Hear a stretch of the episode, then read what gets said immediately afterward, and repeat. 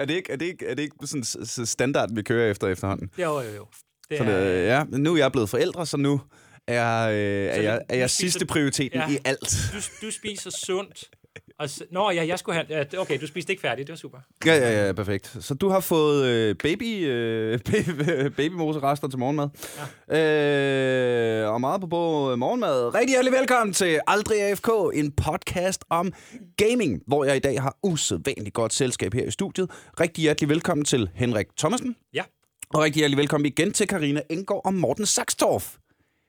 Tak. Tak. Ah, hvor er det godt at se jer. Hold kæft, det her jeg glædet mig til i dag. Vi skal snakke om læring og gaming. Og øh, det er jer tre, jeg absolut aller, aller helst vil have. Øh, hvis vi starter fra, fra min venstre, Morten, du er psykolog. Ja. Det er Og øh, har for nylig skrevet øh, bogen The Human Factor in Esports, er det det, den hedder? Mm. Og øh. faktisk lige fået manuskript tilbage på nummer to, børn og gaming. Sådan, mm. mand. Så du er rimelig selvskrevet. Så er der Henrik, som er øh, en af vores dejlige lyttere, der simpelthen har øh, taget initiativet til at skrive til os på Facebook og sige, jeg, jeg kan også sige noget klogt, og hvor er det fedt, mand. Tak, tusind tak, fordi du kommet. Du er matematikunderviser. Matematik og idræt og innovation. Innovation. Ja. Øh, Det er åbenbart, det var et fancy ord, øh, som, som vi også lige skulle prøve af. Så øh, sådan nogle innovative projekter. Hvordan kan vi forbedre ting til gavn for andre? ej, hvad, så, hvad, hvad niveau er det? Altså, den korte version, det er nok, at jeg underviser sådan hele paletten. Fra, Fra... altså, jeg har prøvet at undervise fra 0. til og med 9. Shit, mand. Okay, så det er folkeskole. Ja, og så i privat regi, så hedder det en grundskole. Men Ja, det ja, var ja. ja. ja. men for helvede, mand. For, for, så føler man sig gammel, ikke? For man, er, er, er innovation et fag i folkeskolen i dag? Altså, nu, nu forstod jeg det sådan, at nu er det taget væk igen af de valgfag der. Vi havde det som valgfag, men så ikke alligevel. Så, øh, fandme ikke lære børnene at innovere. øh, rigtig hjertelig velkommen. Øh, tusind tak, fordi du dukker op. Og Karina Engård, min, ja. gamle, min øh, gamle veninde, skulle jeg til at sige. Så længe vi heller ikke kendt hinanden, men du er min veninde. Og så er du øh, et af de sejeste mennesker, jeg kender. Øh, du øh, arbejder med kompetenceudvikling inden for... Øh, ja, ja, ved du hvad, vil du ikke sige det selv? Fordi jeg, jeg, jeg slagter det. Altså, jeg, jeg, Jamen, jeg gør det heller ikke nemt, tror jeg. nej, det gør du fandme ikke. Jeg har efterhånden en del af erfaring med bagagen, både fra en praksisvinkel og fra en akademisk vinkel, og det er den kombination, jeg tror, du kløjs i. Ja, det er nok det. Øhm, Og fordi jeg primært kender dig fra et slot i Polen, hvor vi var skide fulde. og jeg har ikke brugt særlig lang tid til at, på at kigge på de og visitkort. vel du, vel du er vældig innovativ og prøver at ændre verden imens. Ja, lige præcis. Så, Lige præcis. men jeg har, en, øh, jeg har en akademisk baggrund, hvor jeg er uddannet øh, i, øh, i Human Resources, som det jo så fancy hedder. Mm. Underviser på Copenhagen Business School på en master i ledelse og HR. Ja. Og i det perspektiv er det jo kompetenceudvikling og et spørgsmål om et strategisk, det for nogle ressourcer, vi har brug for. Men det, jeg normalt har stået for i praksis, er at lave strategierne, øh, undervisningssystemerne, lederudvikling, programmer, mentorprogrammer, videndelingsprogrammer i praksis, og det med at skabe læringsrum. Nej, er det fedt. Og der bruger jeg jo meget af min didaktiske baggrund, altså det at, at lære at undervise, og hvordan man gør det.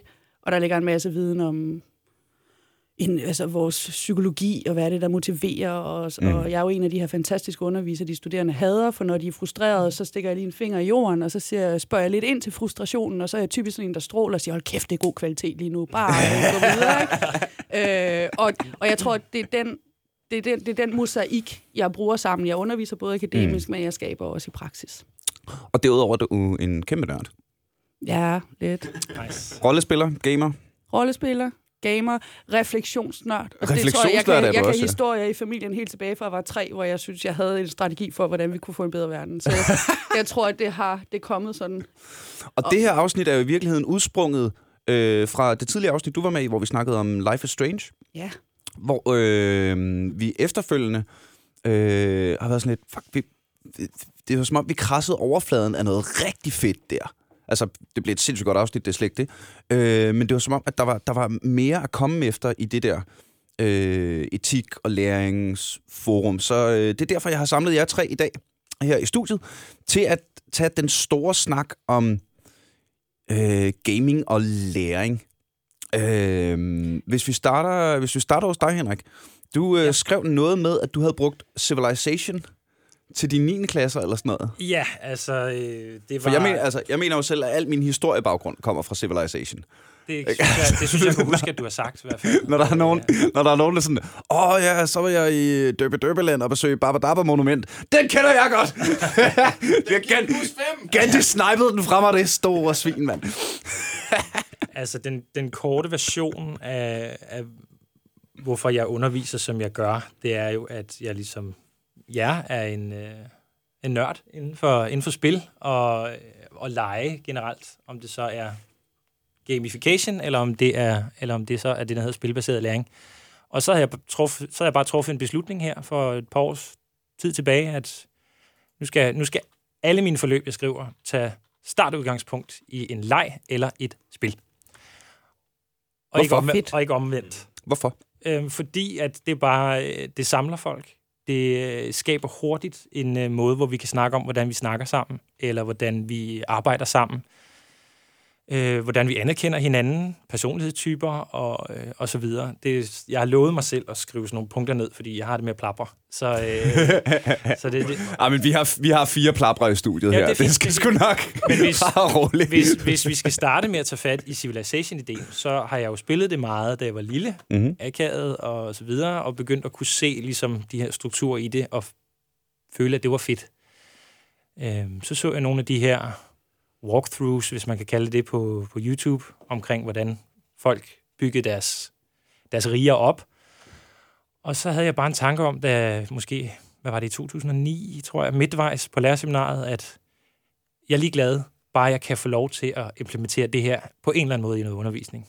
Øh, så jeg skulle lede efter en undskyldning for at gøre det. Og så øh, begyndte jeg at lære en del om regneark, da vi studerede matematik, og, og så slog det mig hele tiden, du har jo en valuta. Mhm. Jeg tænkte, hvad nu hvis jeg kontrollerer valutaen? Hvad nu hvis, at jeg beder dig om at lave et stykke arbejde, og så siger, hvis du gør det godt, så kan du få op til 20 point i dag. Mhm. Så den sidste lektion i ugen, der får du lov at købe ind. Og så har de en indkøbsliste. De har enheder, de har bygninger, de har vidunder, de har øh, øh, teknologier, og så får de bare at vide, sådan ligger landet. Så er der nogle plancher, der er lamineret. De er fyldt med øh, et landkort. Så hvis du gerne vil have flere byer, der kan du se på regnearket, vi kigger på hver fredag. Det giver gange 1,2. Guldminerne kan du tage. Dem kan I også kæmpe om. Og så videre, så videre, så videre. Så jeg fortæller egentlig bare børnene, hvis du arbejder rigtig, rigtig meget, så får du penge, som du kan købe for. Og der, altså, den bedste historie, en, øh, en dreng, der gik han i 6. eller 5. var aldrig rigtig motiveret. Sådan doven i det generelt og sådan noget, ikke? Mm-hmm. Så havde vi om gange med større cifre, eller, altså to cifre tal gange tre cifre tal, og han blev ved. 45 minutter, laver måske 60 opgaver eller sådan noget, som normalt vil være tre opgaver, der bliver lavet. Mm.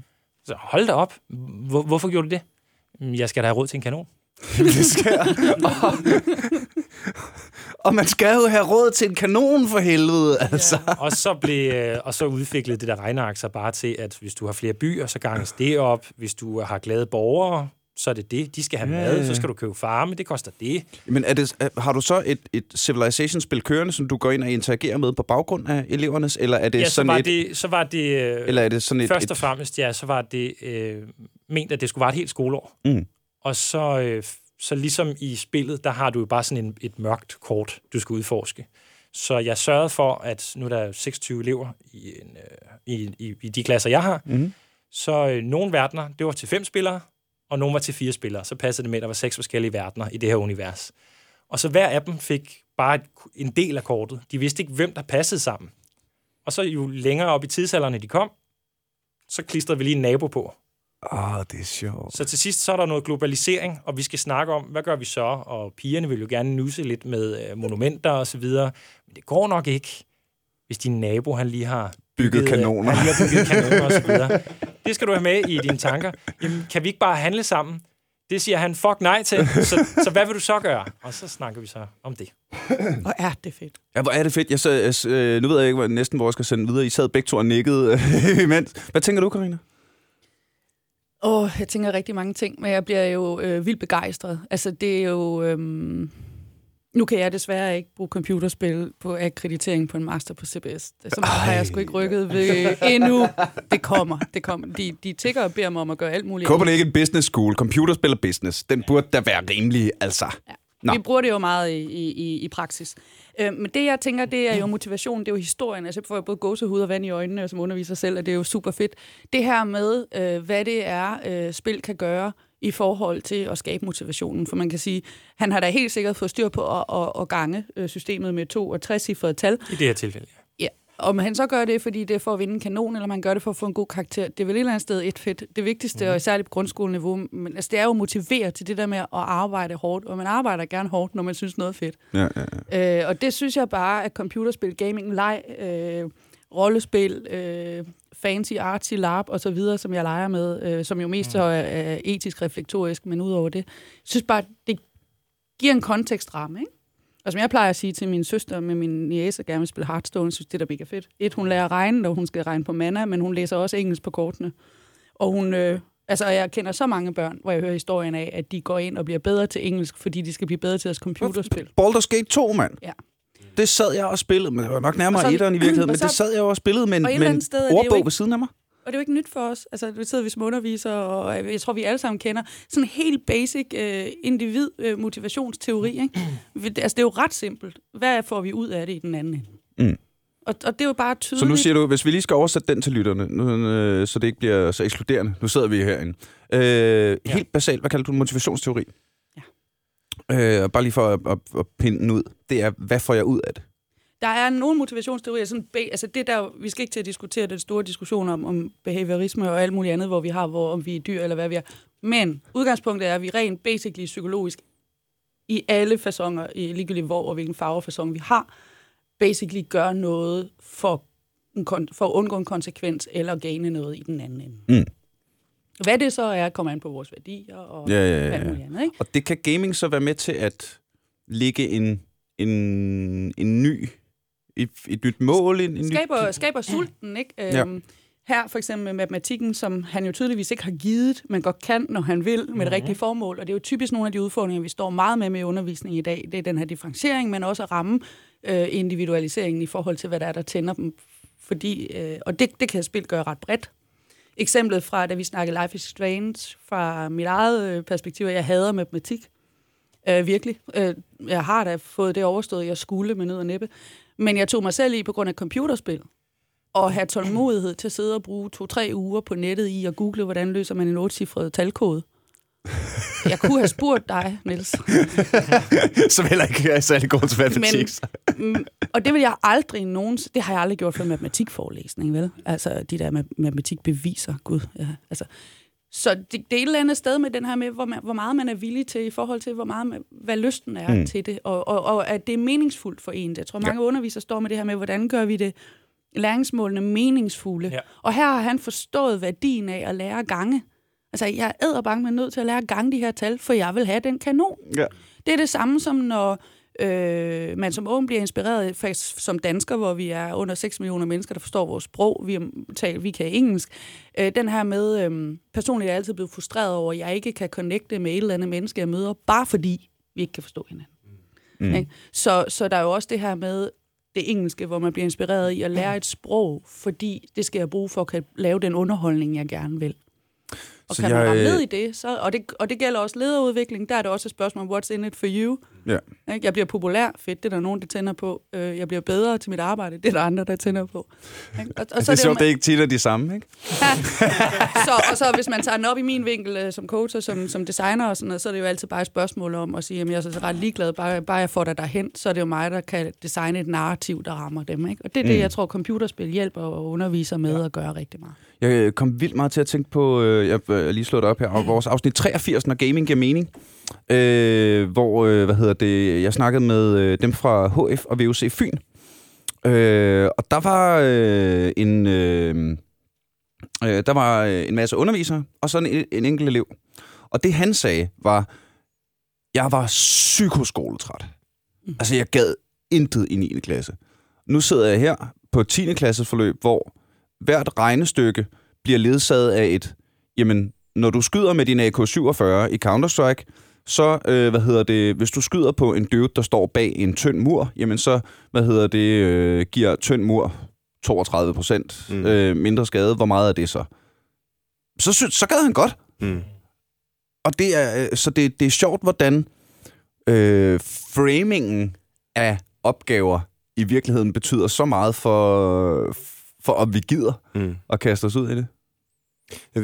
To kommentarer heroverfra. Øh, en ting, som man søger rigtig meget efter i, i læring i dag, det er måske knap så meget den her work hard attitude, som det er work interested attitude. Mm. Altså man skal have lyst til at lave det her arbejde. Og det er jo en gigantisk udfordring i undervisning generelt, fordi let's face it, det er faktisk ikke særlig spændende at lave de samme regnestykker 10.000 gange. Og det er noget af den dur, vi gør på et år som børn. Så ja, altså det er sgu det kedelige at lære. Der tilbyder spil en, en verden, som er interessant, som er historiefortalt, som er social, som er inkluderende, som er enormt spændende, som er eventyragtig, ikke? Mm. men samtidig med sådan set de samme grundskills. Så det der med, i stedet for work hard, så work interested, der kan spil bare noget, som, som er det, som også gør, at så mange bruger det, tror jeg. Og så det her med det sociale. Altså, al læring er social, ikke? Vi kan ikke lære noget, hvis ikke vi er i en eller anden... Jo, det kan vi godt, men det er meget nemmere, hvis vi er i en eller anden social kontekst. Og specielt, hvis vi har lidt mere tillid til dem, vi sidder rundt omkring, så prøver vi ikke at krabbe så meget hjerneenergi på at prøve at passe ind i det sociale, som vi i stedet for bruger det på at lære det, vi sidder overfor. og der kan spille også noget nogle gange, fordi præcis som du siger med HF Fyn, og jeg tror, jeg ved præcis, hvad du snakker om. øh, for jeg kommer selv fra Odense og har været med HF Fyn på gang. Øh, Jeg kan ikke huske, hvem der var hvem, men jeg kan fortælle dig, det er enten Niklas, Arne, Anders eller Kim. Så er det Anders. Jeg har været Anders. Ja. Shout out til Anders fra Anders VUC. Risak.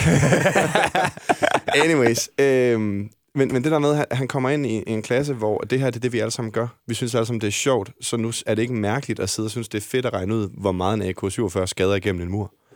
Så den der sociale kontekst, man får skabt, den er bare så vigtig for ikke at bruge al sin energi på at være bange for, at man passer ind i mængden. Og der kan gaming noget helt specielt. Mm-hmm. det, er, værd- det er i hvert fald værd at, at huske på det der med, at de skal hele tiden fejle, øh, og så være motiveret til at gentage processen. Øh, det er måske to måneder siden, at jeg med min... Øh, det var så en første klasse, hvor de skulle have... Ja, hvad var det? Vi skulle have bare om geometriske figurer, og det er jo på det niveau, at det er jo firkant og femkant og en Mm. cirkel, og, og hvad kan det? Og så tænkte jeg jo så igen, spil først. Mm-hmm. Hvilket spil skal vi tage fat i? Og så var der noget med, at I havde et afsnit omkring Tetris. Ja. Og så sagde jeg, hey, øh, har vi ikke lavet noget om Tetris før? Og så den generelle reaktion er sådan forvirret.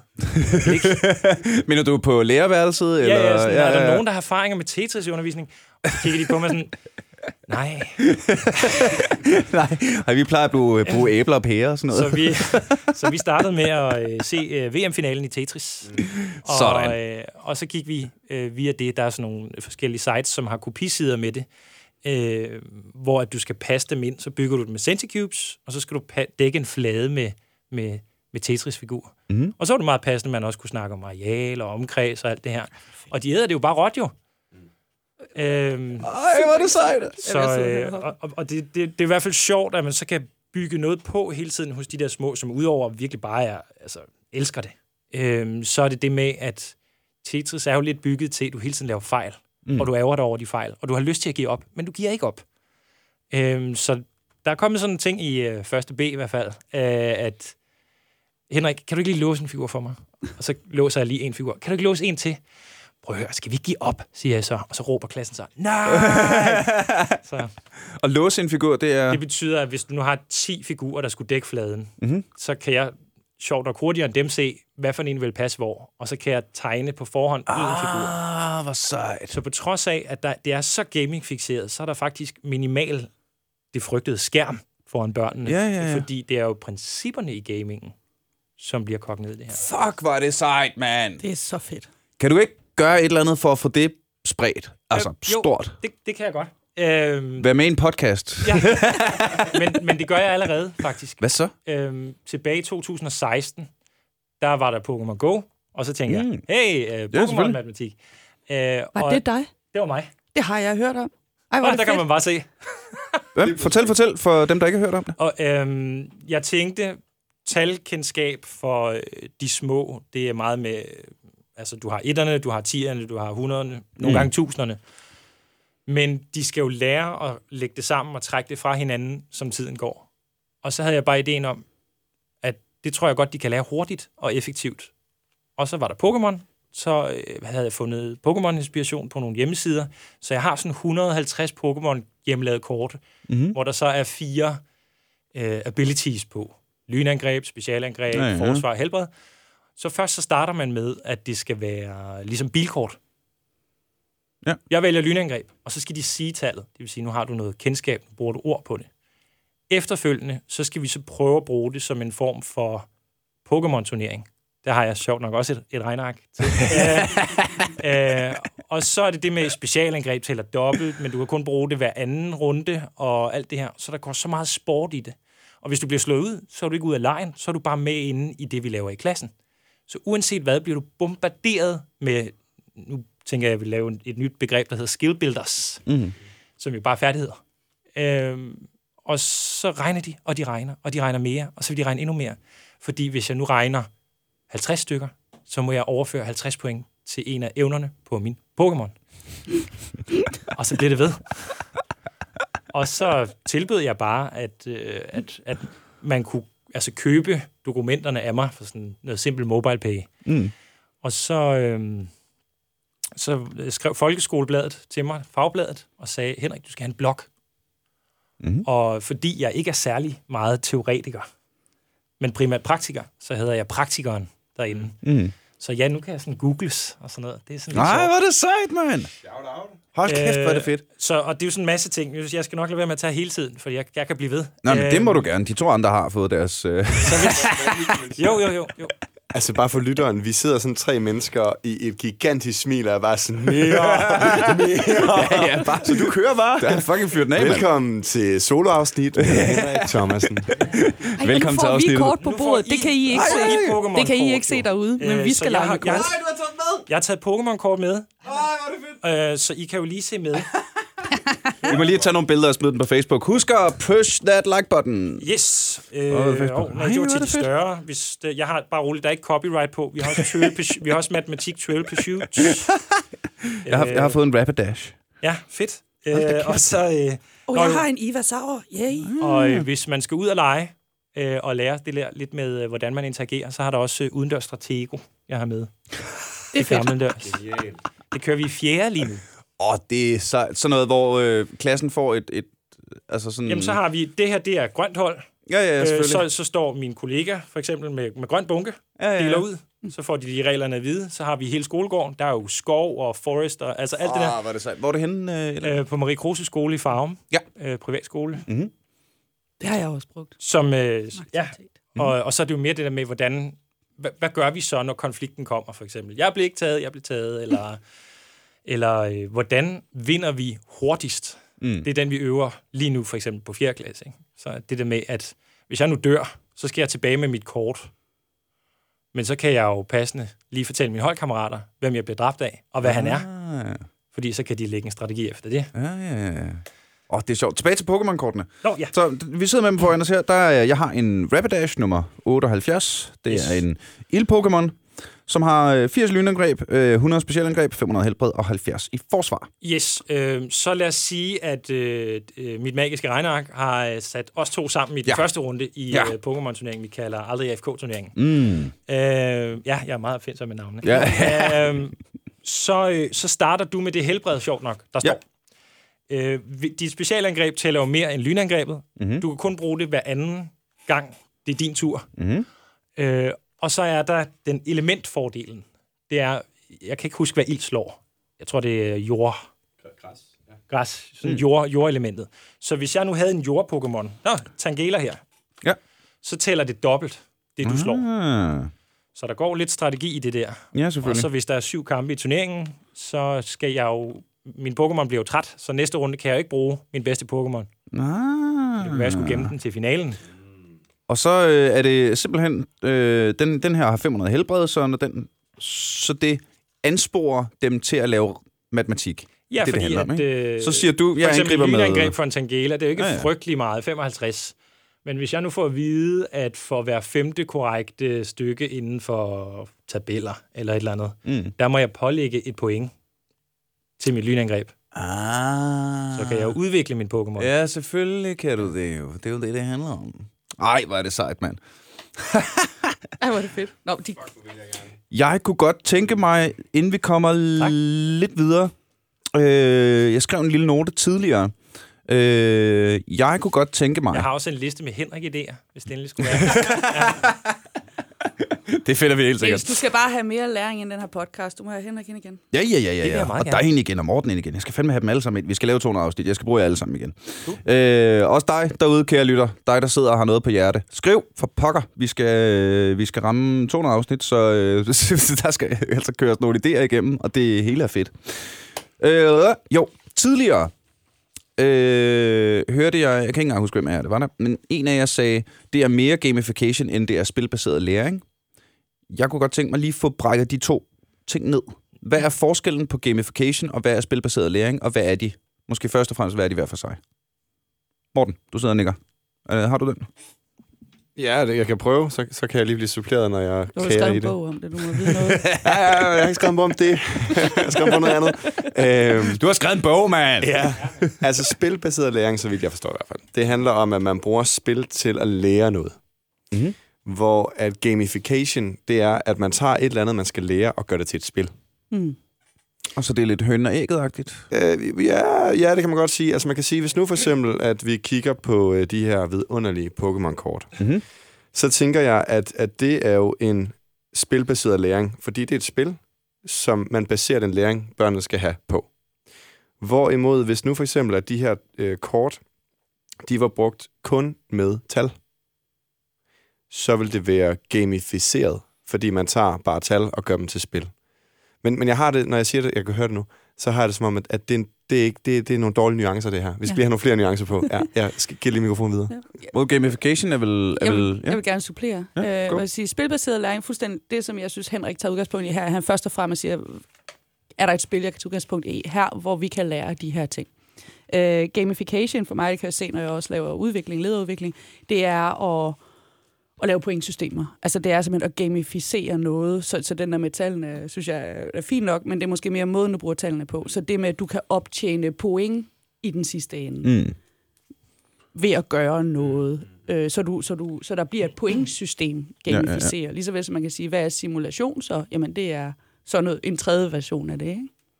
Mm. Jeg kan Okay. godt supplere. Øhm, gamification, det jeg har for nyligt i hvert fald, ja, de, I kan jo ikke se det, men jeg har sådan en liste med. Det er jo totalt lærer. Øh, gamification, det kunne for eksempel være, hvis de små skulle kunne tabeller. Mm. Så kan du sige, nu skal vi kunne tabellerne, eller du kunne sige, hvor hurtigt du Mm. vil gøre tabellerne. Ah, ja. Øh, for Ja. ja. nylig skulle de have minus. Så har jeg stjålet den der leg for fangerne på fortet. Kan I huske det? Med Ole Ernst. Man skulle bøffe ham i den der, du må ikke tage den sidste af de der pinde. Og ved det der tårn. Jeg, kan ikke, jeg kan godt huske Ole Ernst. Jeg kan ikke huske pindelejen. Men ja, genialt. Der var noget med, at øh, man øh, så har 30 pinde, og så skal du trække fra hele tiden. Kan I Ja. høre det allerede? Ja, ja, ja. Ja. Mm. Du må ikke få den sidste. Og det går de jo sindssygt meget op i. Og det er bare minus hele tiden. ja, ja. Og spilbaseret, det er jo så netop Pokémon, Ja. fagligheden i det, Tetris, Transport Tycoon, FIFA, FIFA? du Excel og statistik. Ja, noget. selvfølgelig. Alle de Excel-ark. Det er jo det. Der er jo spiludvikling i det, eller hvad hedder det, udvikling i deres priser, de der Ultimate Team per uge. Det er aktier. Ja. Mm. Det er sådan set aktier, ja. Ej, Det er der en af mine elever, der går meget op i. Han har sin, det, er det, han, det, er, det er det, ham og hans far, de sådan connecter på. Han, hans far har åbenbart ha- handlet med aktier. Det var en privat Mm. Jo, jo. Og nu, den vil jeg gerne gribe her, bare for at vi ikke ja. Lige gør det alt for fordomstungt. Nå. Øh, jeg brugte øh, simulationsspil øh, fra Finansministeriet, hvor man øh, købte og solgte aktier øh, i et år. Øh, følger det i en proces i undervisningen. Og så øh, bliver man jo simuleret, altså det er simuleret, ikke? Mm. men så bliver man jo rig af det.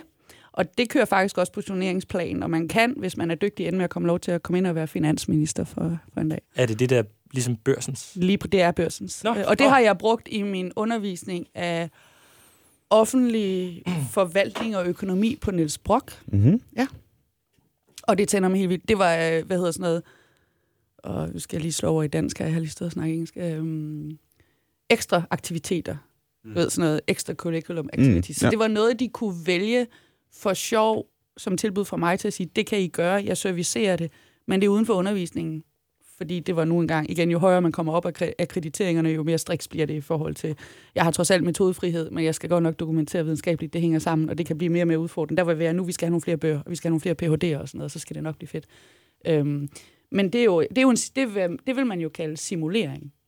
Det vil man kalde mm-hmm. simulering. Men hvis jeg går ind på klassehold, som Henrik også siger, og siger, hvem er den bedste i klassen, hvem har tjent flest penge, hvem har solgt færrest eller lavet færrest fejlkøb, så begynder jeg at gamificere det, fordi det bliver... Mm. Øh, er der ikke en risiko for, at det er, kan være rigtig, rigtig surt at ligge bagerst? Åh oh, jo. Når man nu har, altså, om, øh, dem og dem tjener så mange point, og der er en klasseliste, og der er et Excel-ark og sådan noget. Den er, den, er, den er nok egentlig mest til dig. Sådan helt humanistisk vil jeg gerne byde ind på den, for den der er flere vinkler på. Jeg vil bare gerne udfordre mm. den, inden underviserne går i gang. Mm, ja. øhm, man vil jo som udgangspunkt i den måde, vi tænker læring i folkeskolen, øh, i, her i Danmark i hvert fald, tænke, åh oh, nej, det duer ikke, det er synd for den, der ligger sidst, det er demotiverende, så det, det kan vi ikke rigtig lide, øh, er meget holdningen. Øh, det, nu har vi tidligere også snakket om træning af life skills og social skills, og der vil min holdning jo være at sige, jo, der, skal være, der vil altid være en, der ligger sidst, Spørgsmålet er, hvordan man faciliterer samtalen, og hvad det er for et narrativ, der bliver skabt i klassen over at være sidst. Mm. Så ja. du kan bruge det, at der er en, der ligger sidst, til rigtig meget social læring i klassen. Og hvis du ikke kan ligge sidst, nu bliver jeg også sådan lidt, jeg er jysk opdraget på landet. Altså, så jeg bliver også bare sådan lidt, det kan fandme ikke hjælpe noget. Altså, det, det fikser verden altså ikke for dig, når du kommer ud, Nej. så vi svigter dem altså, hvis vi gør det inde i klasserummet. Det bliver de i hvert fald socialt og, og, og, og menneskeligt ikke, ikke mere kompetente mennesker af til at mm. være i livet. Og jeg tror, det er det, der er mange små og unge mennesker i dag, der lider under, de møder ikke de udfordringer, så de bare kan lære at være i det. Mm. Ja, gud, verden falder ikke sammen, fordi du taber arbejde. Altså, spænd ballerne, eller ja, ja. spil bordtennis i stedet for. Du sidder og klapper, Morten. Jamen, jeg, jeg kommer bare lidt op og køre over, hvor dejligt det er at høre nogen tell the truth. altså, prøv at høre, hvor er der bare mange mennesker, der virkelig, virkelig har det hårdt på baggrund af, at de aldrig har haft det hårdt. Ja. Og ja, man taber. Vi taber alle sammen på et tidspunkt, og der er nogen, der bliver med med at vinde mere end andre igennem livet. Tough luck. That's life. Og ja, vi forlader faktisk vores øh, børn et sted, hvor de ikke rigtig kan indgå i den verden, hvis vi siger til dem, du skal være top 3. Mm. Det har du ret til at være. Nej, det har du virkelig ikke ret til at være, men det giver en fed arbejdsmotivation at prøve at blive det. Så jeg bare, det var virkelig dejligt at høre det, derfor jeg sidder og luftklapper. Jeg vil ikke lige sidde og klappe, for det er sikkert mega højt øh, på sådan en der. Så der, der, det, det er bare virkelig helt rigtigt. Og lige en hurtig tilføjelse. League of Legends har 200 millioner spillere. Der er ikke særlig mange procent af dem, der ligger i Challenger. Nej. Og det har stadig 200 millioner spillere, der spiller hver dag. Så det er selvfølgelig ikke helt så mange, men mm. virkelig, virkelig mange spillere. Så øh, ja, man kan godt spille, selvom man er sidst. Og jeg vil da gerne gribe den bare lige at folde den ud, bare lige for mm. at inspirere mere til, hvorfor jeg gerne vil stå til mål for sådan en kommentar. Øh, jeg underviser på masterniveau. Altså det er, meget, det er voksne mennesker, altså det er unge mennesker, der er kommet ud og færdige med en bachelor. Øh, det er rigtigt, det, der er en høj grad af stress, der er en høj grad af...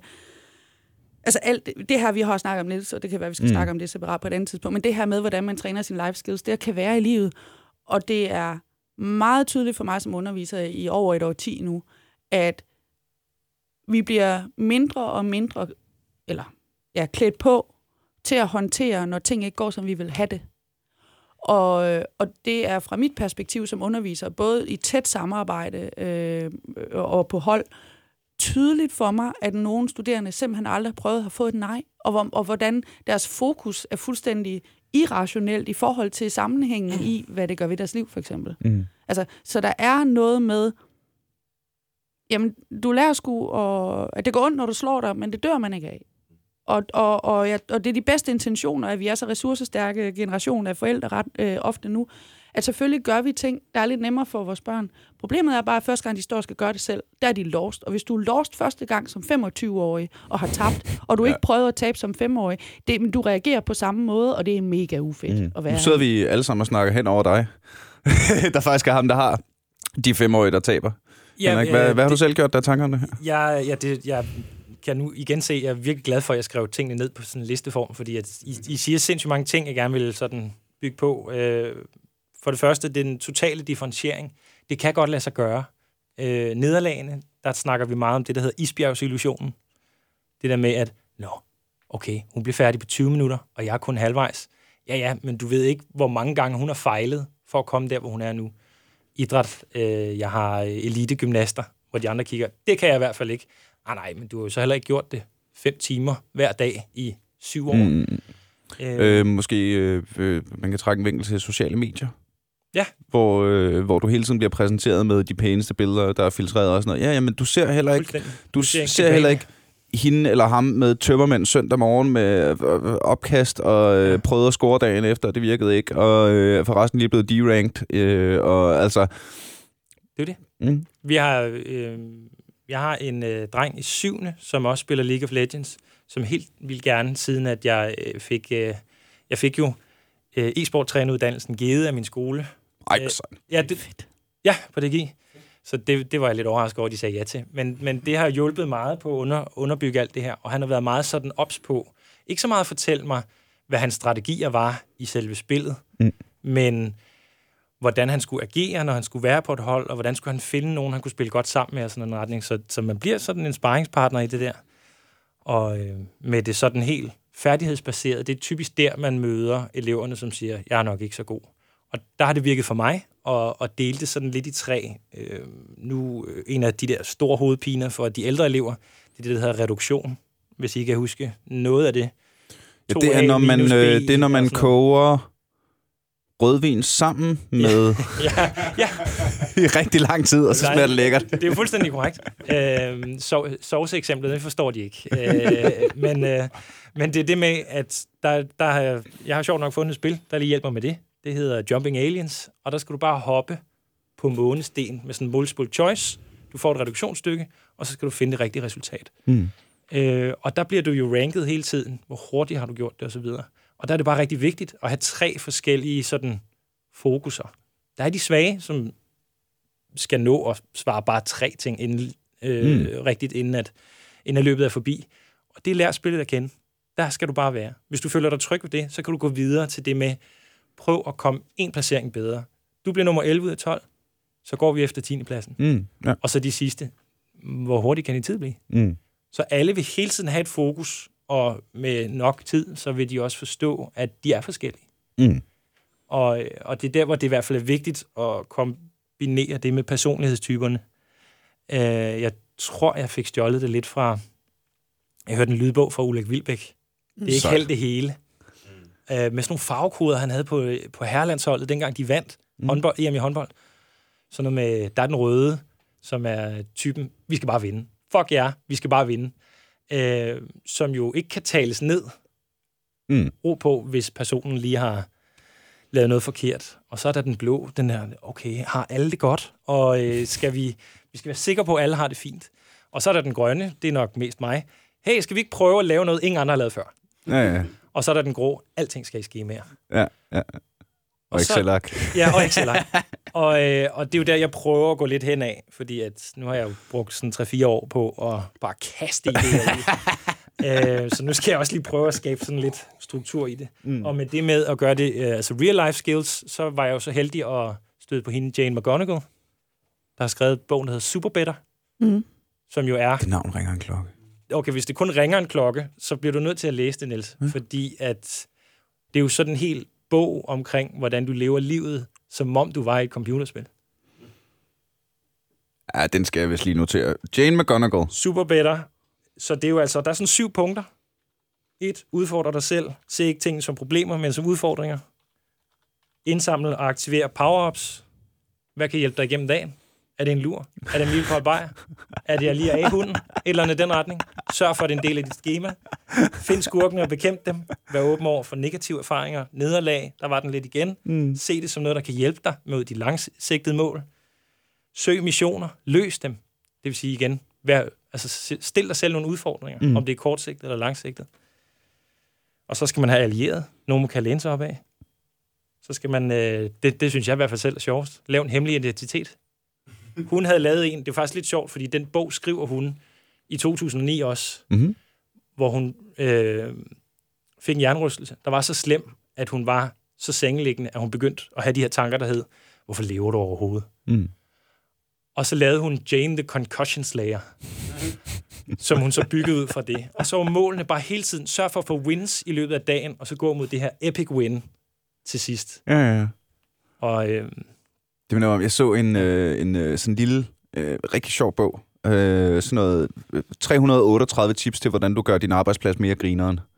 Bum. Hed den ikke, den hed noget på engelsk, ikke? Mm. Men der var en af dem sådan... Øh, øh, hvis du sender e-mails til den samme person, så underskriv dig som noget nyt. Altså øh, sådan noget med venlig hilsen, James, the conqueror of emails, Ja, stod der som et eksempel. Ikke? Og det vil øh, altså, at fordi jeg kan virkelig mærke for mig selv, det er primært, når jeg kigger på opvask og oprydning og alle de der ting, altså momsregnskab og ting, jeg ikke kan finde ud af. Mm. Altså, der er fandme noget... Jeg bruger væsentligt mere tid på at sidde og have nederen over, at jeg skal til at lave den her opgave, end det vil tage mig bare at fucking få det fikset. Så hvis nu jeg kunne tage et VR-headset på, og, øh, og med et lyssvær, sådan brænde øh, alt fedtet væk fra min... Øh, øh, dishwasher hero. Ja, ja, dishwasher hero. Jeg mangler dishwasher hero. Og så mangler jeg støvsuger hero og vasketøj hero. men igen, Guitar Hero er er måske ikke selve Guitar Hero, men faktisk meget mere Rocksmith, som var det, som øh, kom, det kom nogle år efter Guitar Hero, og det var Guitar Hero, men hvor du skulle bruge en rigtig guitar. Nå.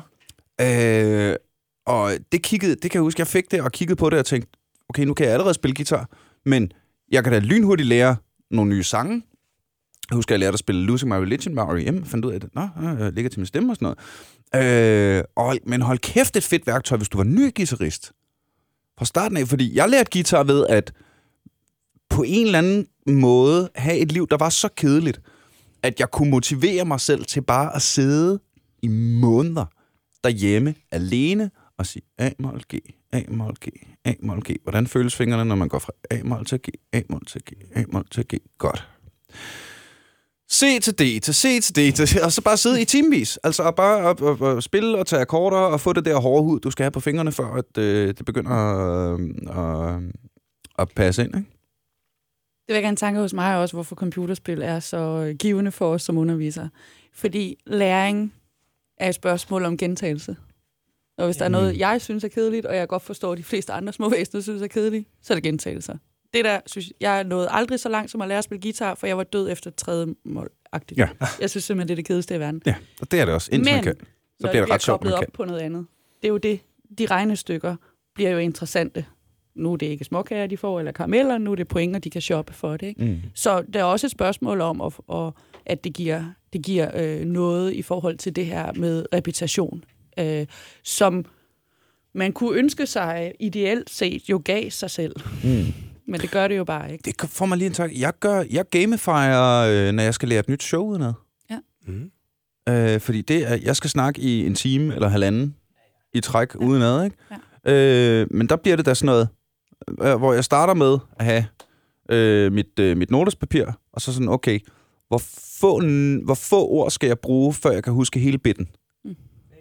Mm. Og så starter det med, okay, men nu, øh, når, jeg, når jeg bare læser den igennem her, okay, men der er den og den punchline, så kan det være, at jeg kan huske 3-4 minutter ved hjælp af et par ord. Mm.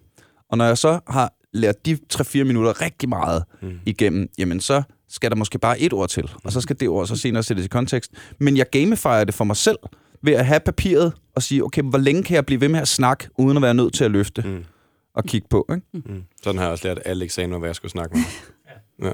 Eller kort. Jeg har brugt øh, trivikort. Jeg Ja. har brugt øh, med mine øh, elever på, eller studerende på Niels Brock, øh, med forvaltningspolitik og sådan noget, kan godt være lidt tørt. Men Nej, der, der brugte jeg, øh, kvæg af mangel af, af bedre kompetencer selv, så brugte jeg øh, den her slange og stige. Altså det her børnespil, vi kender, så du laver ikke andet end at gå op og ned, og så Mm. mm. rammer du en slange. Snakes and ladders. Snakes and Mm. ladders. Øh, og så havde jeg bare lavet en masse felter, hvor der var spørgsmålskort, og så var der spørgsmål. Og så repeti, repeti, repeti, øh, det var et svært ord. Repeterer de jo sindssygt mange gange til et, absurd, til et børnespil, som de fleste af os ikke gider at spille. Ikke? Men det blev sjovt, fordi der var en terning. Mm. Og, der var, altså, og så fik jeg dem skisme til at sidde og bruge en time op til eksamen og sige, det er ren eksamenstræning, det her. Mm. Mm. Principielt set er det jo den samme øvelse som at sige, sæt dig ned, tag de her kort, træk nogle kort, sig det her til hinanden hele tiden. Mm. Men, det, men de gad bare at blive ved lidt længere, Mm. fordi de lige pludselig ramte den der åndssvage snake and ladder op og ned. Mm. Og det er jo ret banalt, ikke? Det er jo ret banalt. Og i forhold til inspirationen med, med øh, hvad var det, du sagde, hun hed? Øh, Big Better. McGonagall. McGonagall. McGonagall. Ja, den her med at lave hemmelig identitet, og nu er, nu er det ikke, så kan man diskutere, hvor meget gaming det er, det, må du, det er din Mm. podcast, men at som rollespiller og mm. pen and paper og sådan nogle ting. Øh, jeg har jo også, jeg har jo gamified øh, min personlige udvikling og, min liv, og mit liv. Mm. Altså, jeg det ved du, Niels, det skal mm. vi ikke nødvendigvis snakke om nu, men jeg redesigner jo mit liv fuldstændig specifikt fra et designperspektiv, hver eneste detalje. Og jeg har en masse issues, jeg kæmper med, imposter-syndrom, noget angst, der er kommet efter noget stressudbrændthed. Der er rigtig mange ting, der lige pludselig har taget nogle talenter fra mig, jeg engang synes var nemt. Og jeg har fundet en løsning ved at lave alter, alter egos. Jeg er jo kæmpe øh, fortaler for, at rollespil er jo den bedste træning på livet. Øh, man kan prøve nogle scenarier af. Og jeg tror, det er egentlig inspireret af for fem og, åh, det går nok længe tid. For over 20 år siden, hvor jeg holdt mit første oplæg i forbindelse med at være studerende, hvor jeg var sindssygt nervøs for at tage en masse fancy virksomhedsledere, og jeg skulle sige noget om innovation, og de kom, du ved, fordi der er jyske vindvirksomheder. Jeg tænkte, hvad skal jeg have sagt her? Og så, øh, så fik jeg at vide, at jeg skulle bare to ting. Et, jeg skulle bare forestille mig. Mm. Altså på det tidspunkt var jeg ikke så, så fantasifuld, så jeg var bare Catwoman in the nicest suit øh, inde i mit øh, hoved. Kombineret med det råd, jeg fik fra min mentor på det tidspunkt, jeg aldrig har glemt ham for, og som jeg stadigvæk bruger, når jeg taler for en mange vigtige mennesker. Ligegyldigt hvor dyrt et suit du går i, så har du bukserne ned om knæene, når du skider. Mm-hmm. Og de to ting kombinerer jeg, for eksempel hvis jeg bliver nervøs som oplægsholder. Mm. Men det her med alter egos, altså det her med, der kan være nogle ting, jeg skal gøre øh, for at udvikle mig i mit liv, som jeg synes kan være svært. Niels ved, jeg arbejder på at lave en podcast. Det, det er lang tid undervejs. Der er en masse issues. Det er ikke bare at trykke på en knap. Øh, og det har jeg kæmpet med at sidde fast i over et år. Øh, men nu har jeg simpelthen vendt den om, givet mig selv en quest. Det er blevet inspireret af at skrive sig ind i Dungeons and Dragons, uh, Dungeons and Dragons uh, version uh, 5, med karakteren af uh, en planetar, og uh, det er blevet metaforen for det, den måde, jeg gerne vil udleve mine værdier på. Mm. Uh, og jeg giver mig selv quests, Mm. så jeg kan udvikle mine skills. Ej, hvor er det sejt, mand. Prøv at høre, det, det er genialt, det der. Øh, Det er fuldstændig det, bogen kredser om. Ej, hvor er det spændende. Jeg skal have den læst. Jeg, Og jeg, ja, det, det er det, som bogen Superbetter kredser om. Min superskurk, han hedder Multimand. Fordi at, at jeg skal ikke sætte for mange bolde i luften ad gang. Ah, så man er både sin egen superhelt og sin egen superskurk. Fordi du er en superhelt, så har du jo altså egoer. Ja, Nogle- selvfølgelig. Så, så, og så når du identificerer dem. Hey, skal vi lave Tetris? Øh, øh, I næste team, der kan vi jo lave øh, Cargo Dynasty, og åh, jeg er en ting ad gangen. Mm. Måske to, Ja. og så stopper vi det. Ja, ja, ja, ja. Der er også familier og så videre, der lige skal... Ah, hvor er det sejt. ja, I bogen, øh, som jeg har udgivet der, der er en helt øh, kapitel, der bare hedder The Quest. Mm. Og, og det handler om lige præcis det der. Og jeg har aldrig læst den der. Og, og det der med, at det bliver så intuitivt for folk, der har været i forbindelse med computerspil, og tænke sådan, det, det synes jeg er endnu mere vidunderligt. Fordi ja, selvfølgelig skal vi da tænke på vores liv på den måde. Det svarer egentlig til inden for, for ledelsesteori og motivationsteori at snakke om det med formålsbaseret udvikling frem for målbaseret udvikling. Og forskellige andre spændende ting, som vi nok kunne bruge rigtig lang tid forklare. Det vil jeg faktisk lade være med. Ja. Øh, fordi der var en anden pointe, som jeg havde, som kommer lige om lidt, når jeg har snakket mig ind i den. Som var det her, at der, vores hjerne er skabt til to ting meget. Der er også andre ting i den, men der er to ting, den er rigtig god til. Det er visuelle ting og sager, altså visuelle indtryk, eller forestille os visuelle ting. Og så er det storytelling. Den måde, der er overleveret allermest information i menneskehedens historie, det er via et bål og en historie. Simpelthen det her med at sidde og få overleveret historier om. Bibelen, eller hvis vi går længere tilbage, historier om forskellige guder ude i skoven og alt det der, ikke? Og egentlig er computerspil det samme. Det er et bål, som brænder, imens nogen fortæller en historie. Der er et eller andet, der ligesom er i gang og knitrer i dig, ikke? Mm. Så der, er- det giver god mening, at vi synes, det er så motiverende med de her computerspil. Og det er også derfor, at endnu mere synes jeg, at vi skal have aktiveret de der politikere til at forstå, hold op, hvor er der meget potentiale i. Faktisk i virkeligheden ikke at tænke, at vi skal have læring oversat til gaming. Vi skal have læring tilbage til historiefortælling. For sådan har det altid været. Oh, Åh, det den godt. kan jeg Ja. godt lide. Ja. Og det er også en, som, som de der stok øh, konservative politikere... Øh, altså, altså jeg, jeg tror, der er mange politikere, der... Det samme sekund, du siger, at det her er fremskridt, så er de automatisk sådan... Øh, men hvis du siger, kan vi ikke komme tilbage til de gamle værdier? Nå, kan vi det? Nej! Så er det slet ikke de unge mennesker med alle deres nymoderne teknologi, der skal ud og bestemme. Nej, hvor fedt. Det er jeg sikker på, at der er mange, der... Jeg har faktisk heller ikke, øh, heller ikke læst den bog der, og det, det, skal, det skal jeg da helt sikkert have, have gjort. Det, det lyder som om, du har. Øhm, så, og ja, i, i, leder, i lederudvikling generelt, også på masterniveau, det er jo det, jeg, jeg arbejder rigtig meget med, det her formålsbaserede læring. Mm. Hvad, hvad skal vi med det? Ikke? Og øh, den sagde du, den vil du ikke gå længere ind i. Kan vi ikke, vi ikke grave lidt ind i den? Men så med gaming-vinklingen, ikke? Altså, at, at øh, øh, fra fucking folkeskoleniveau helt nederst øh, og op til masterniveau, er det vel sådan, nu, nu forestiller jeg mig på baggrund af målbaseret læring, altså formålbaseret læring, ikke? Øh, jeg skal kunne lære gange. Er det ikke, jeg skal kunne lære gange, sådan så jeg f- kan få noget ud af det. Fordi mm. Mm. bare at kunne lære at gange eller at Mm. dividere i hovedet, kan jeg ikke oversætte til, hvorfor skal jeg bruge det? Præcis. Men hvis jeg kan oversætte det til, fordi det giver mig en kanon, eller fordi det giver Mm. mig nogle kanone skills, jeg kan bruge til senere at Mm. få det fede job og gøre alle mine ting. Ikke? Du rammer faktisk lige præcis der, hvor vi kan trække det til det aller ypperste niveau af motivation og læring. Hvis du kan sammenhænge den helt simple skill, du er i gang med, op igennem et slags motivationstræ, helt op til formålet med, hvem du gerne vil være, mm. så er der den ypperligste form for motivation, du kan. Jeg, kan give mit eget eksempel, fordi min quest som øh, psykolog, i de her år i hvert fald, jeg skal ikke kunne sige, hvad fremtiden bringer, det er at få brugt e-sport og gaming til at rykke mennesker fremad. Så for eksempel at sidde her, det er jo en minimal del af det, som jeg går og gør i mit liv, men det passer bare helt vildt godt ind i min overordnede mm. quest om at bruge e-sport og gaming til at rykke mennesker fremad, fordi det her er en inspiration til, hvordan lytter øh, og lytteren kan, kan ligesom bruge de her ting, og samtidig også bare få snakket med nogle andre omkring de her enormt vigtige perspektiver.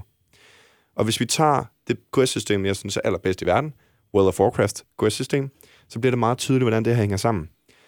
Helt øverst oppe, der har du en storyline. We gotta save Thrall, eller vi skal øh, slå øh, Unoxia ihjel, eller Mhm. mm. alle mulige andre spændende ting, og sager man sgu ikke. Eller vi skal vinde over The Alliance, hårdt for the win.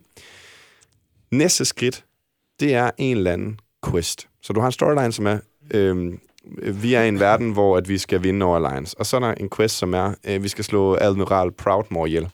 Og så er der en questline, og en questline, det kan for eksempel være, vi skal indtage hans øh, skib og hans øh, slot, så han ikke kan komme hjem. Øhm, eller han ikke har noget sted at være, så vi kan lokke ham ud i det åbne. Mm-hmm. Og så nede i den questline, der er der quest objectives. Og det quest objective kunne være at slå 10 Proudmore sailors ihjel, eller øh, 10 øh, pirates ihjel, eller hvad fanden det nu er. Og så rykker man helt ned til action. Slå en ihjel. Og der er en komplet sammenhæng imellem at slå den her pirat ihjel, og skulle slå Proudmore ihjel på et tidspunkt for at vinde krigen Mm. mod Alliance. Men det ved man kun, fordi man har gået op fra ned. Hvis jeg bare sagde, slå piraten ihjel, så vil folk kigge og tænke, øh. og det var sådan, vi fører krig, ikke? Altså i virkeligheden, ikke? Det skal jo hænge sammen med en eller anden større, det er forfærdeligt. Den tager vi ikke med. Mm. Men, men pointen er, at det samme i mit liv, når jeg tager den her. Jamen, hvis jeg sidder for eksempel og arbejder på en artikel, så kan jeg godt sidde og tænke, hold kæft, hvor er det kedeligt at sidde og arbejde på den her artikel. Hvorfor gør jeg det? Når jeg for helvede, det er, fordi jeg rigtig gerne vil være med til at inspirere nogle mennesker, og bum, så kommer motivationen Mm. tilbage på en helt anden måde. Og ja, der er også stadig lortedag, ikke? Men på en Nå, helt anden altså, måde, hvis jeg det- bare gjorde det. Mm. Altså, det kan jeg da mærke i, i mit job, ikke? Altså, for, for at sidde og skrive jokesene, som bliver til mit one-man-show, som kommer til at hedde Dumb Jokes and Dragons, og rammer landet i 2020. Jeg synes, du skulle ud og se det. Fedt. Øhm, hvad hedder det? øh, det, det den er selvfølgelig helt stram, ikke? Nu skriver jeg de her jokes, som bliver til det her show, som jeg skal ud og optræde med de steder, jeg gerne vil. Men se, og så er der så en gang imellem nogen, som er lige så, nogle opgaver, som er lige så væsentlige for det show, men hvor koblingen ikke er lige så tydelig, som for eksempel The Dreaded Momsregnskab, ikke? som, som jeg fucking ikke kan også på sammen til. Øh, selvom det, det passer også ind i, i træet, ikke? Øh, jeg kom til at tænke på, øh, i al den her snak, en, og, og den her snak om, at, øh, at se sig selv nederst på, i hierarkiet, eller, eller til sidst i øh, nummer 12 i rækken, ud af 12 eller sådan noget. Ikke? Øh, en pointe, der har været super vigtig for mig, som komiker, og som en fyr, der godt kan lide at styrketræne, øh, og som en fyr, der godt kan lide kampsport. At, øh, og som jeg så håber, man i det her øh, rum kunne hjælpe med at lære børnene, som er, at du skal altid sammenligne med dig selv. Mm. Ja. Fordi jeg, jeg træner, og, men jeg træner absolut ikke nok til at være den største dreng nede i Fitness Fitness. Så hvis jeg går ned i Fitness Fitness tre gange om ugen, og kun kigger på den største dreng, og bliver ved med at punke mig selv, jeg er, ikke, jeg er ikke den største dreng. Jeg kan ikke løfte lige så meget som ham eller hende der. Der er også kvinder nede i Fitness Fitness, der løfter væsentligt mere end mig. Ikke? øh, så kan jeg altid gå og punke mig selv i hovedet over det. Isbjergsillusionen. Ja, ja. Men i virkeligheden handler det jo om, kan jeg løfte mere i dag, end jeg kunne for en uge siden? Mm. Det, den tilføjer jeg, lige, hvis det er okay. Mm. For det synes jeg jo er rigtig vigtigt, det er at tage udgangspunktet og så se på ens personlige progression. Altså det er jo der, hvor jeg som designer øh, virkelig nørder på det der, med, som læringsdesigner. Øh, jeg har et konkret eksempel for et par år tilbage. Havde jeg, øh, jeg ender af mærkelige årsager, eller måske ikke så mærkeligt, jeg er ret kendt for at være ret skrabet på CBS. Så det er måske som de plejer at sige, det er tough learning, så de forstår værdien af det, når vi er færdige. Så kan de mærke kærligheden. øh, og, og, og det får jeg altid kram på, så jeg tror på det, og jeg tager gerne tæskene for det. Øh, men det gør jeg jo, fordi jeg stiller nogle krav. Og jeg stiller nogle krav, fordi jeg tror på dem. Og jeg kan jo se rigtig mange øh, bliver tændt af de krav, for hvis jeg tror på dem, så må der være en vej frem. Det, mm. det er jeg meget bevidst om, og, og nogle gange er jeg meget ambitiøs på deres vegne, fordi så, altså, klichéen, øh, sigt efter månen, så rammer du et eller andet sted mellem stjernerne. Den lever jeg meget efter. Ikke? Mm. Øhm, og jeg havde et eksempel på nogle studerende, der er af årsager valgte mig alligevel, på trods af, at de faktisk var øh, nogle øh, masterstuderende, der var bekymret for, om de overhovedet kunne bestå deres kandidat, altså få det her berømte total, man får i dag. Øh, og det plejer at være lidt den anden end, så jeg vil gerne have 12. Ikke? Øh, så, mm. så jeg var sådan lidt, okay, nu tager vi lige den vinkel. Hvad er det? De var super motiveret. De var praktikere, de var absolut ikke stærke teoretisk. Og så er det, jeg synes er vildt spændende, så må vi skal gå et skridt tilbage og så sige, hvor, hvordan er det, jeg kan designe deres læringsrejse, sådan at de oplever størst mulig succes. Og for dem var det, jeg har aldrig nogensinde set nogen grad af glæde over at få et firtal. Men når man forstår deres proces, hvad der livet havde ramt dem samtidig, hvad de var spået, de aldrig ville blive, hvad de er blevet i modsat alle odds, og så videre, mm. så videre, så videre, så er det fandme det største firtal, der har slået et 12-tal, jeg mm. nogensinde har set. Og det er bare sådan et rigtig godt eksempel for mig selv personligt at trække på i forhold til deres begejstring kontra de flade, ja selvfølgelig fik jeg 12, og så går folk ud af døren i det job, de allerede har fået, kontra at vide, hvad den læringsoplevelse, jeg var med til at designe for de her mm hvor de fik et andet perspektiv og et andet formål, øh, gjorde, at de gik ud med en kæmpe succesoplevelse, bliver knalddygtige HR-ledere i NATO og Lidl i praksis, og de motiverede de unge mennesker max, så er det skulle lige meget, om de lige har styr på vej øh, på teorien og sådan nogle ting. Ikke? Men at, at kunne designe en proces, men det er der, hvor vi skal et skridt tilbage med vores inner work og en masse personlig udvikling og, og, og noget refleksion. For vi er jo nødt til at se os selv ture, ærligt, anerkende, se os selv, hvor vi er, i forhold til, hvilken rejse vi skal tage, så vi giver os selv chancen for at spille os selv gode ved at se de skridt, vi tager. Mm. Og det gør vi jo ikke, når vi sammenligner os med andre. Det gør vi, hvis vi sammenligner os på et elitefodboldhold med en af vores elitefodboldholdskammerater. Ja, Men det så gør, giver det mening, ja. ikke? Altså, altså det, som, som, som Morten sagde tidligere, det er ikke alle mennesker, 200 millioner mennesker, der spiller League of Legends. Der er challengers. Så hvis du sidder hele tiden, og hvis du, hvis du er en af dem, der gerne vil blive dygtigere til League of Legends, men hele tiden sidder, åh, jeg er ikke challenger, åh, jeg er ikke challenger, jamen, så, så prøv at blive silver 2 i stedet for silver 3. Ikke? Altså, så lige stille og roligt, step it up, step it up. Øh, jeg har det som om, vi kun har krasset overfladen. men vi har snakket en time. Altså, jeg, der er jo også rigtig meget... Øh etik i det. Jeg vil bare lige nå at byde ind. Jamen, endelig er det. det, det nu skal vi ikke uh, snakke etik i dag, men det er også noget, jeg nørder meget. Jeg, jeg har en kæmpe passion for at vi har, vi har brug for en ny oplysningstid. Folk har brug for redskaberne til at, at finde integritet i deres værdier, så vi ikke brænder ud og føler, at vi mister os selv, og ikke kan ved, hvad vi står for, og ikke ved, hvad vi tror på. Og der er altså nogle håndgribelige værktøjer til det. Man behøver ikke at læse filosofisk retorik eller, eller etik for at forstå det. Så der er noget af det, jeg arbejder i det. Og jeg, der er nogen, der siger, kan, der er sådan en akademisk diskussion, kan man lære folk etik? Øh, og det har jeg gået og stusset lidt over. Og så vil jeg bare lige hive et spil ind. Ja, jo, det var så, jeg var så glad for, at vi nåede det. Det er Elsa, Elsa, Elsa øh, jeg sagt det. Så det får du, nu lige et øjeblik, for jeg skal lige have en note Ja, ja, ja. Øh, for, men det er jo stadig læring. Og øh, hvad hedder det? Karina og jeg øh, er blevet øh, sådan øh, skrivemarkere. Og øh, vi sidder og, og, og støtter hinanden i vores øh, skriveprocesser, og Karina arbejder rigtig meget med etik lige nu. Og det er sindssygt spændende.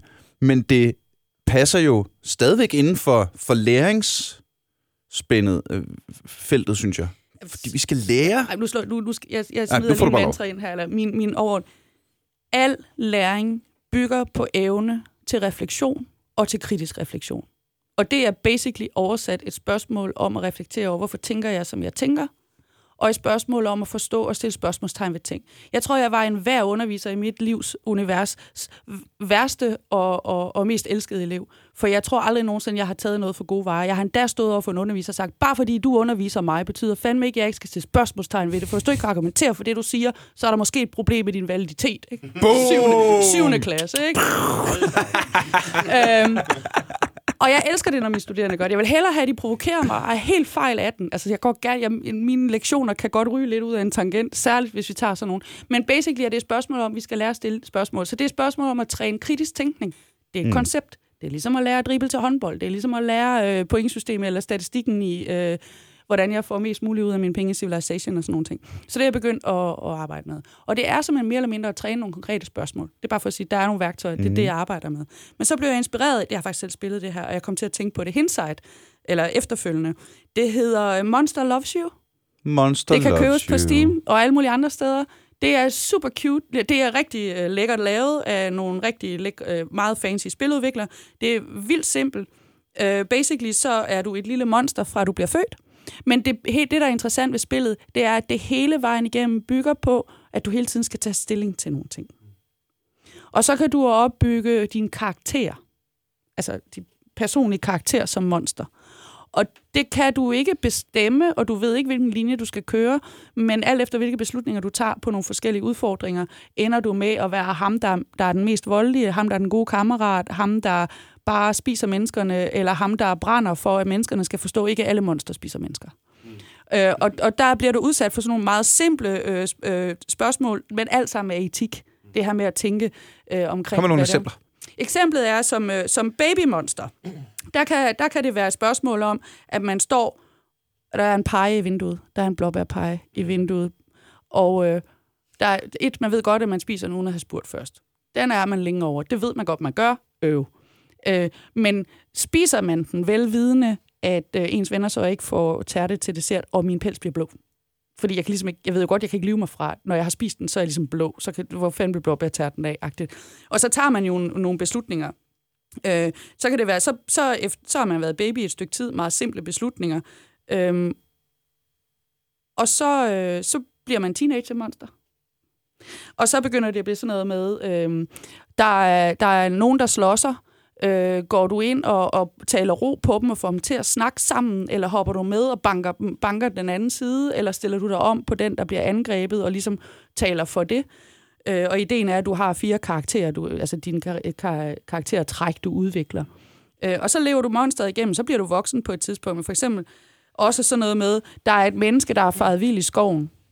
Øh, øh, terroriserer du mennesket bare for sjov? Eller følger du det tilbage til den civilisation, hvor du godt ved, den hører til, så du ligesom kan understøtte din sag om at overbevise mennesker om, at alle monstre er ikke nødvendigvis mm. nogle dårlige monstre. Og så fortsætter du det, til du bliver gammel, og så dør du. Og der er det gamified med, jamen hvad er du så endt med at blive i en samlet karakter? Mm. Og der har jeg jo tænkt i undervisningen, kunne man jo med helt små, den går ned til 20 år, men med helt små børn kunne man jo for eksempel gøre det, at man kunne snakke om at sige, okay, hvem kan i løbet af den her uge, med sit, fordi det, det er ikke så langt at spille et monsterliv færdigt, hvem kan i den her uge udvikle det monster, som viser sig at være den bedste kammerat i den sidste ende? Mm. Og så påpege nogle karaktertræk. Men de kan jo ikke gennemskue det på deres beslutninger.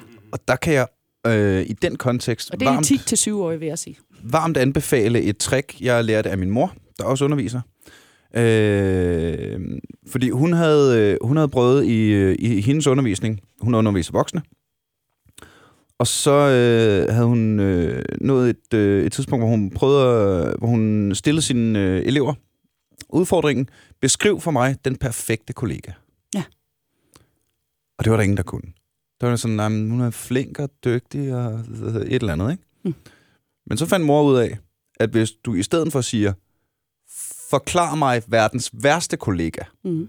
så har folk enormt mange ord, og lige pludselig meget, meget let ved at fortælle, og så kan du egentlig bare, øh, hvad hedder det, øh, skrive dem op, og så bagefter sige, ja, øh, lad være med at gøre det der. Så er det, så er det en god start, ikke? Jeg gør det, når jeg, jeg underviser jo i sådan noget øh, øh, talepræsentationsteknik, der typisk er, at jeg underviser øh, sen folkeskole i eksamensangst øh, og eksamensteknik, ikke?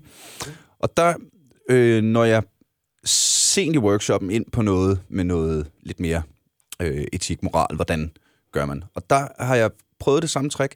Jeg har simpelthen, jeg laver, jeg sender lærerne uden for døren, og så siger jeg, okay unger, nu skal I forklare mig, hvordan man bliver verdens værste lærer. Og der er nok at komme efter, ikke? Der er nok at komme efter. Og jeg skriver dem alle sammen ned. Ja, mand, hvis, øh, hvis øh, hvad hedder det, øh, de taler ned til eleverne, det er mega irriterende. Ja, det er mega irriterende. Bedre vidende. Ja, hvis ikke svarer på spørgsmålet, gentager sig selv, monotont, alt det der. Ja, ja, fedt nok. Og det, mm, der er mange genganger fra gang til gang, ikke? Og så siger jeg bagefter, I skal bare lige vide, unger, at hvis I synes, det der er irriterende, så synes alle andre mennesker også, det er irriterende. Så når I skal for eksempel holde en tale foran klassen, eller hvis I en dag skal undervise, eller I skal til, jamen, så lad være med at gøre det der. Øh, så jeg tror, man kunne bruge Monster, øh, Monster Loves You på samme måde. Mm. At det i virkeligheden kunne være, øh, hvad hedder det, øh, endnu mere dialogskabende og i talesættende, hvis man siger, okay, nu skal vi lave det ledeste svin, vi kan finde. Og så bagefter snakke om, hvorfor er det, at han led. Og grunden til, det er spændende, også bare sådan på life skills basic, det er fordi, det vi sådan rent teoretisk arbejder med, det er ideal identiteter. Nu underviser jeg også i sådan noget med identitetsregulering, hvilket det er det, vi gør, når vi laver nice øh, og venlige lederkoncepter i vores virksomheder, så regulerer vi identitet. Der er der noget identity, identity work i på en medarbejder og en ny identitet. Så der er noget identitetsregulering i det, med, og derunder arbejder man også med begrebet ideal identiteter. Ja. Den gode leder, den gode kollega, den gode soldat, den gode gamer, den gode podcastvært, den gode psykolog, den gode underviser. Alt, når vi i tale sætter sådan nogle ting, og meget i den verden, vi er nu med social media, så i tale sætter vi idealkonstruktioner af, hvad man skal være af en karakter. Og det er også noget af det, vi skal udfordre, som børnene ser.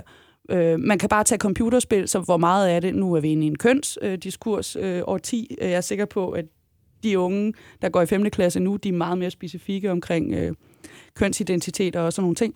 Og der er det der også, altså nogle af de spil, du har nævnt her, der kunne man da godt snakke om, hvornår man var en rigtig kriger og en rigtig mand, og, øh, og så udfordre den måske, og tage en diskussion om, hvorfor synes pigerne, det er mega ufedt, eller... Altså, så der er også hele den her diskussion om ideale konstruktioner, og hvad, mm. hvad det giver, ikke? Der er kraftet med nok at tage fat. Jeg har det som om, vi kunne blive ved. Mm. Kære venner. Øh, Der er masser endnu i hvert fald. Jamen, jamen, det er jeg stensikker på. Det er sgu lige før.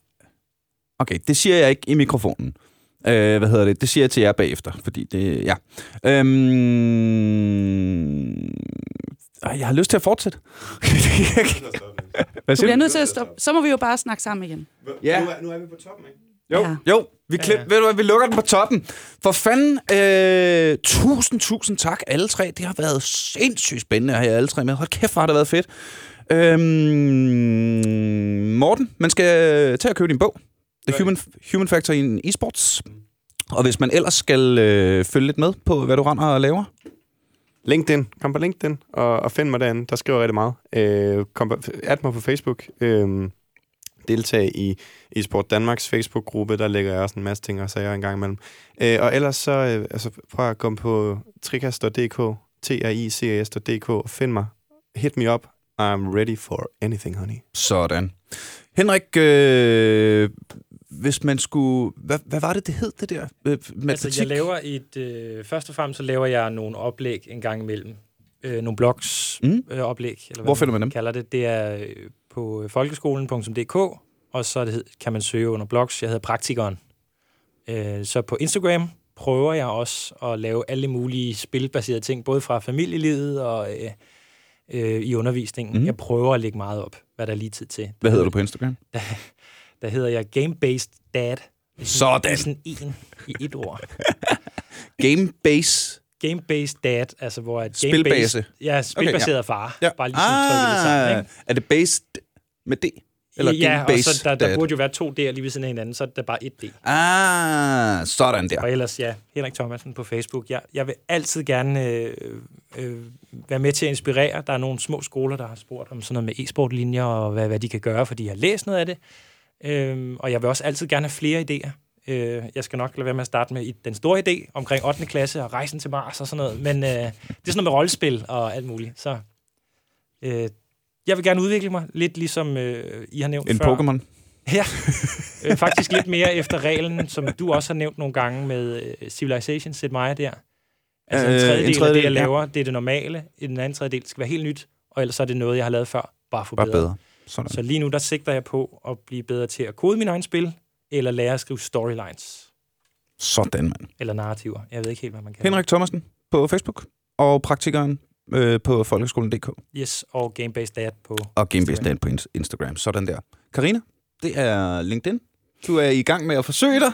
Jeg er ikke, jeg er ikke så, så aktiv på de so- so- so- sociale medier, men det kommer. Øh, og jeg tror, det, som jeg arbejder rigtig meget med øh, nu, det er, jeg har igennem de sidste otte år eller sådan, noget, holdt alle mulige variationer af workshops og læringsforløb omkring det at lære og lære, og det og, og lære i praksis. Øh, Og hvis, og hvis man vil det, så øh, sk- skriv til mig. Øh, og jeg arbejder også med det her med workshops omkring etik, altså applied øh, ethics. Hvordan kan vi egentlig leve øh, etik? Øh, og, hvis, og jeg rådgiver også strategisk og sådan om, hvordan man laver de her læringsrum, øh, hvordan man kan lave narrativer rundt omkring. Der er stort set ikke noget som helst, jeg ikke synes, man kan, der hurtigt dukker et eller andet op på. Sådan kan man frame det, for det er Mm. meget et spørgsmål om framing. Så hvis det er noget, man gerne vil vide noget om, altid velkommen til at skrive til mig. Find mig på LinkedIn, skriv til mig der. Tilgiv mig, at jeg ikke er så aktiv endnu. Hold ved, der skal nok komme noget, så kan I være med fra starten. Øh, og, øh, eller send en, en, en mail til carina.clearning gmail.dk. Vi skal nok putte den i kommentaren. Den er lidt C-learning er øh, C-learning. CE, CE. L-læring, ja, bare Carina ja. E, og Chaotic Evil var for, for taget, så jeg skal også videre. Så, øh, men skriv endelig til mig. Jeg er altid åben for en kop kaffe, en snak, noget inspiration, og hvis du vil vide noget mere om, hvordan du kan bevidst arbejde med at redesigne hele dit liv, skabe quest for dig selv, for at tage fat i angst og skam og pisse og møg, vi er trætte af at kæmpe med, så øh, kommer der helt klart også meget mere om det i fremtiden. Sådan der. Og det er altså Karina Engård med dobbelt G og Bolle Å. Og så skal du selvfølgelig, mens du er i gang med at lukke alle de fede ting op på internettet, tag og smash the like-button inde på Facebook med Aldrig FK. Det er også der, øh, hvad hedder det, øh, det er det nemmeste sted at øh, give os øh, ris og ros, og eller øh, gode idéer til ting, du gerne vil høre om, eller hvis du selv har noget på hjerte. Øh, det var sådan, Henrik, endte med at sidde her i dag, og det har været pisse fedt, så, så tusind tak for det. Endelig, endelig mere af den slags. Du er selvfølgelig også velkommen til lige at øh, like Nils Niels Forsbergs øh, fantastiske Facebook-komiker-profil, hvor jeg lægger en joke op om måneden eller sådan noget. Men i gang med, får jeg taget mig sammen. Øh, og så håber jeg vildt meget, at du øh, kommer ud og ser mit show, Dumb Jokes and Dragons, som rammer landet i løbet af 2020. Og så kan jeg jo fandme ikke få lavet et afsnit, uden at give en ekstra stærlig, særlig stor virtuel krammer til alle de vidunderlige mennesker, der støtter os ind på tier.dk. Tusind, tusind, tusind tak. Det er dig og dine buddies MK, der gør, at jeg kan blive ved med at gøre det her på det niveau, jeg gør det.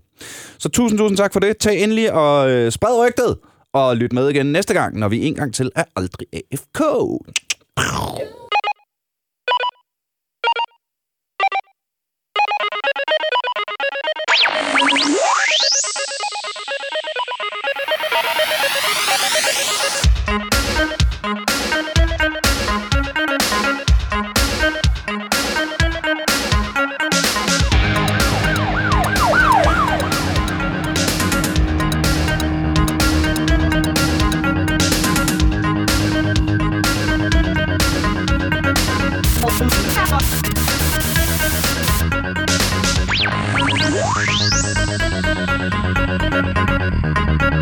Thank you.